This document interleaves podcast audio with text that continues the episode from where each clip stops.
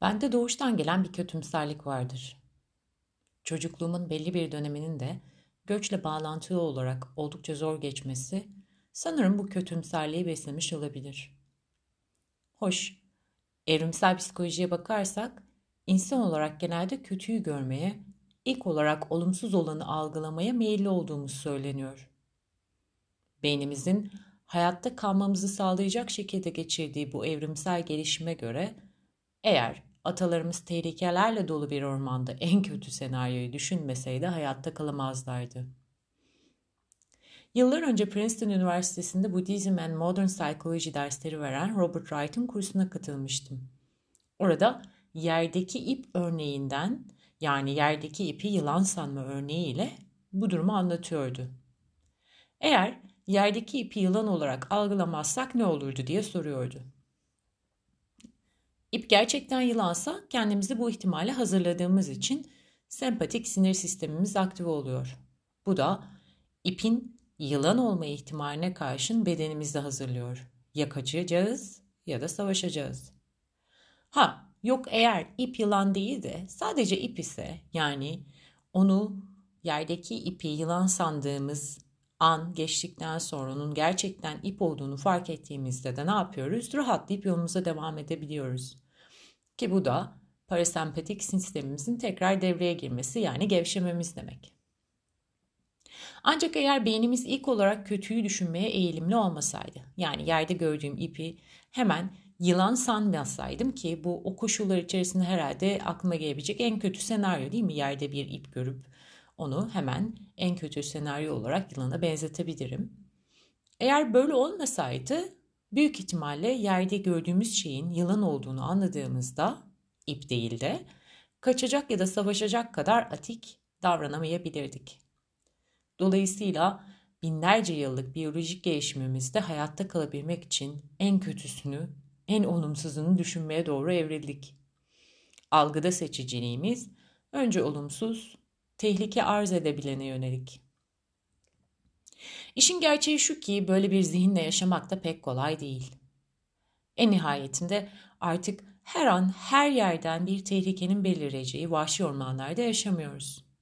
Ancak tabii ki gecenin kör karanlığında tekin olmayan bir sokakta ilerlerken köşede beliren gölgeyi tehlike işareti olarak algılaman çok iyi. Bunda yanlış bir şey yok. Ancak çoğu zaman ortada bir tehlike yokken bile en kötüsünü, en olumsuzunu düşünüyoruz. Kendimize ve dış dünyaya karşı geliştirdiğimiz o eli sopalı yargıç tam da bu ilkel dürtüden kaynaklanmıyor mu? Bu da aslında bir yerde her an, her dakika bir kalkan ya da bir silahla yaşamak anlamına geliyor. Uzmanlar aynı zamanda bunu tabii ki travma göstergesi, travma belirtisi olarak da alıyorlar. Bu ayrı bir konu. Sanırım şu an buraya pek girmek istemiyorum. Ben evrimsel psikolojinin de anlattığı üzere zihnimin bu yapısını meditasyon vasıtasıyla gözlemlemeye başladığımda aslında iç dünyamda yavaş yavaş radikal bir değişim başladı. Üstüne üstlük bir süredir de Budist psikolojide vurgulandığı şekliyle basic goodness yani temel iyilik kavramıyla bağlantılandırarak da deneyimlemeye çalışıyorum. Hatırlarsanız bir önceki bölümde kendi arkadaş olmaktan bahsederken de bu temel iyilik kavramına değinmiştim. Şimdi biraz daha açmak istiyorum. Ve girişi gerçek bir hikayeyle yapacağım. Tayland'daki Wat, Tar, Wat Trimit tapınağında yüzyıllar boyunca kilden bir Buda heykeli duruyordu. Kökeni, kimin zamanında ve nasıl yapıldığı bilinmemekle birlikte orada bir demirbaş haline gelmişti. Yıllar boyunca rahipler heykelle ilgilenmiş, sıcakta kuruyan kilin çatlaklarını onarmışlardı. Bir gün bir keşiş heykelde açılan büyük bir çatlağı tamir ederken çatlağın içinden yansıyan altın rengini fark ediyor. Daha sonra anlaşılıyor ki heykel aslında altından yapılmış. Yani ki, kil heykelin içinden şimdi ünlü olan altın Buda heykeli ortaya çıkıyor. Bence muazzam bir hikaye bu. Ki sadece bence değil birçok yerde de e, bu hikayenin anlatıldığını görürsünüz. Burada aslında Budizm'de yer alan her insanın Buda doğasına sahip olduğu öğretisiyle de bağlantısı var. Budizmin özellikle de Şambala geleneğinde yer, yeri olan temel iyilik kavramını keşfetmek için iyi bir metafor bence. Burada altın Buda bizim gerçek saf doğamızı temsil ediyor. Heykeli uzun süre kaplayan kilise, günlük yaşamımızı sık sık rahatsız eden kaygı, korku ve kendinden şüphe duymanın yarattığı kir ve pas. Ve bizler kile odaklanarak altında yatan saf doğamızı çoğunlukla gözden kaçırıyoruz. Burada yine Chogyam Trungpa'dan bir alıntı yapacağım ki kendisi bu Budizmin Şambala geleneğinde bilinen önemli bir isim. Daha önce de bahsetmiştim. Ondan yapacağım alıntı ile ilerleyelim. Dünyanın iyi olduğu sadece keyfi bir fikir değildir. Dünya iyidir çünkü biz onun iyiliğini deneyimleyebiliriz.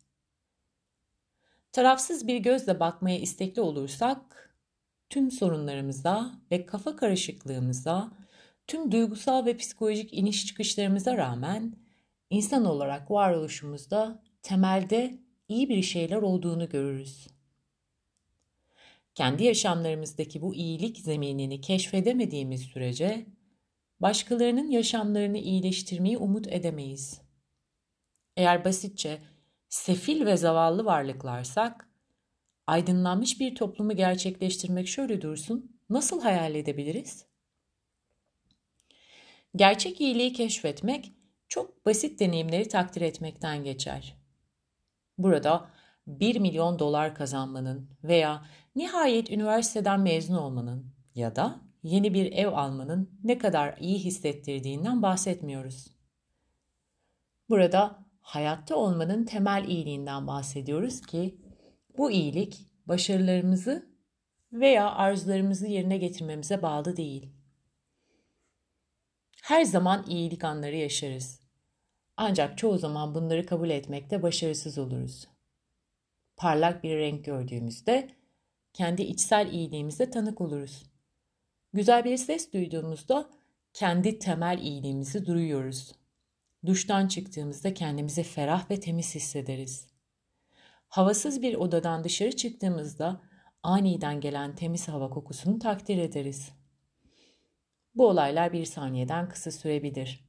Ancak bunların bunlar iyiliğin gerçek deneyimleridir. Bunlar her zaman başımıza gelir ve genellikle bunları sıradan veya tamamen tesadüfi olarak görmezden geliriz. Ancak Şambala ilkelerine göre bu anları fark etmek ve bunlardan faydalanmak faydalı olacaktır. Çünkü bunlar yaşamlarımızdaki temel huzur anlarını ve tazeliği yani temel iyiliği ortaya çıkarır. Diyor Chogyam Trungpa. Um, ve temel iyiliğimizi tanımamız ve kabul etmemiz için öncelikle bizi kendimizden gizleyen her neyse onun katmanlarını sıyırmamız gerekiyor. En azından bu benim deneyimimde böyle ilerledi.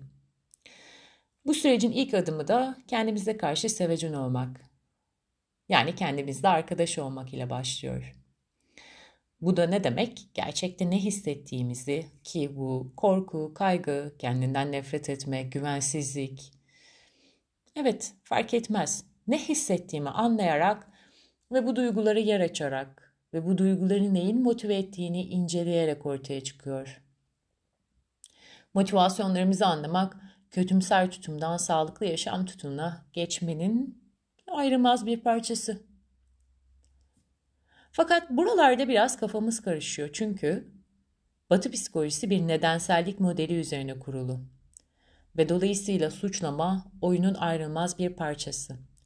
Her ne kadar son yıllarda Batı psikolojisinde de bu anlamda da büyük değişimler olsa da çok uzun zamandır içinde bulunduğumuz koşulların nedeni olarak genellikle kendimizi veya kendimiz dışındaki bir şeyi gereksiz ve çoğu zaman da boşa suçlama konusunda oldukça hızlıyız. Ve evet Batı psikolojisi de bunu aslında bir uzunca bir süre destekledi. Bu suçlamaların işaret ettiği yerler Kimi zaman ebeveynlerimiz, kimi zaman partnerlerimiz, eşlerimiz, hatta işte Freud'un psikodinamik modelinin önerdiği geçici bilinç dışı güdüler veya bunların bizde yaratabileceği şeyler olabiliyor. Her ne kadar burada belki suçlamadığımızı düşünsek bile mesela bir terapi seansında böyle hissediyorum, şöyle davranıyorum çünkü çocukluğumda böyle olmuştu. Farkındaysanız bu bölümün başında bile, başında da ben kendim de bunu yaptım aslında değil mi? Çoğu zaman kötümser düşünüyorum dedim. Çünkü neden? Bunu çocukluğumda deneyimledim. Göç sürecine bağladım. Bu o kadar aslında iliklerimizde işlemiş ki bir şey hissediyorsan mutlaka bunun bir suçlusu var. Mutlaka bunun bir nedeni var. İşte nedensellik modeli dediğim şey bu. Öte yandan Budist psikolojisi e, kişisel sorumluluklardan bahsediyor. Haliyle pek eğlenceli değil. Suçlamak varken sıkıntımızın itici gücü olarak ister içsel ister dışsal olsun suçlama noktasına bakmak yerine bize önce deneyimimizle mevcut olmamızı ve bu deneyime verdiğimiz tepkinin farkına varmamızı, sonra da kaynağını bulmak için içimize bakmamızı tavsiye ediyor. Hay Allah. Kaynak ise zihin tabii ki. Zihnin konuşmamın başında anlattığım o genellikle kötüyü, olumsuzu görmeye yatkın doğasını keşfetmemiz. Meditasyon vasıtasıyla incelememiz ve yavaş yavaş, yavaş yavaş ondan özgürleşmemiz gayet mümkün. Bunu ben meditasyon dışında günlük yaşam pratiği haline getirmeyi denediğim bir dönemdeyim aslında. Gün içerisinde zihnimin nereye bakarsam ilk önce orada kötüyü, olumsuzu gördüğünü fark ettiğim her an temel iyilik nerede diye soruyorum. Mesela yağmurlu, karanlık bir günde pencereden dışarıya baktığımda o güne dair olumsuz yargılarımın üstünü örttüğü güzellik nerede diye bakınıyorum. Ve çok uzun süre bakmama gerek yok aslında. Bu bazen bir yaprağın üzerindeki yağmur damlası kadar basit oluyor. Bazen o an sıcacık bir kahve ile yağmuru seyredebilmek deneyimi. İlişkilerimde zorlandığım yerlerde de kendimi suçlamaya meylettiğim bir gerçek. İşte bu anlarda eğer yakalayabilirsem kendimi, daha doğrusu zihnimi kendi kendimi suçlamaya ya da karşımdakini suçlamaya meylettiğim o anları yakalayabilirsem evet bunu şu şekilde ifade etmek yanlıştı ama sonrasında telafi etmek için adım atman çok güzel demeyi öğreniyorum. Eh burada bakarsanız aslında öğreniyorum dediğim süreç öyle kısa bir süreçte değil açıkçası. Yıllardır üzerinde çalışıyorum.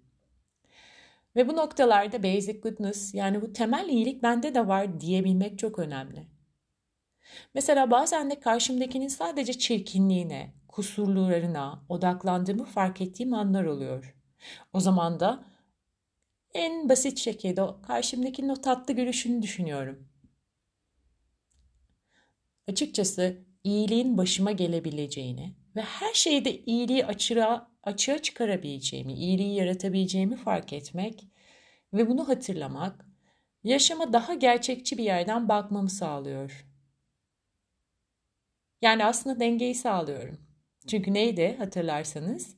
Zihnimiz en kötüsünü, en olumsuzunu düşünmeye meylediyor.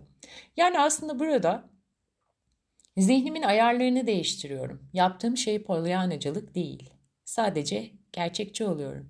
Anın içerisinde en kötüsünü, en tehlikelisini, en olumsuzunu bulmaya yönelik zihnimin bu doğasını gördükten sonra o anın içerisinde işte bazen bir küçük çocuğun bakışı, bazen bir bulutun kalp şeklinde oluşu gibi çok basit, çok basit her yerde görebileceğim ve kendi içimde de bulabileceğim, bazen otobüse binerken şoföre gülümsemek gibi çok temel bir iyilik bende de var, herkeste de var.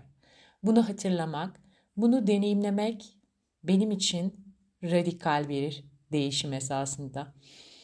Umarım ki bu anlattıklarım sende de benzer bir yerden yankılanır.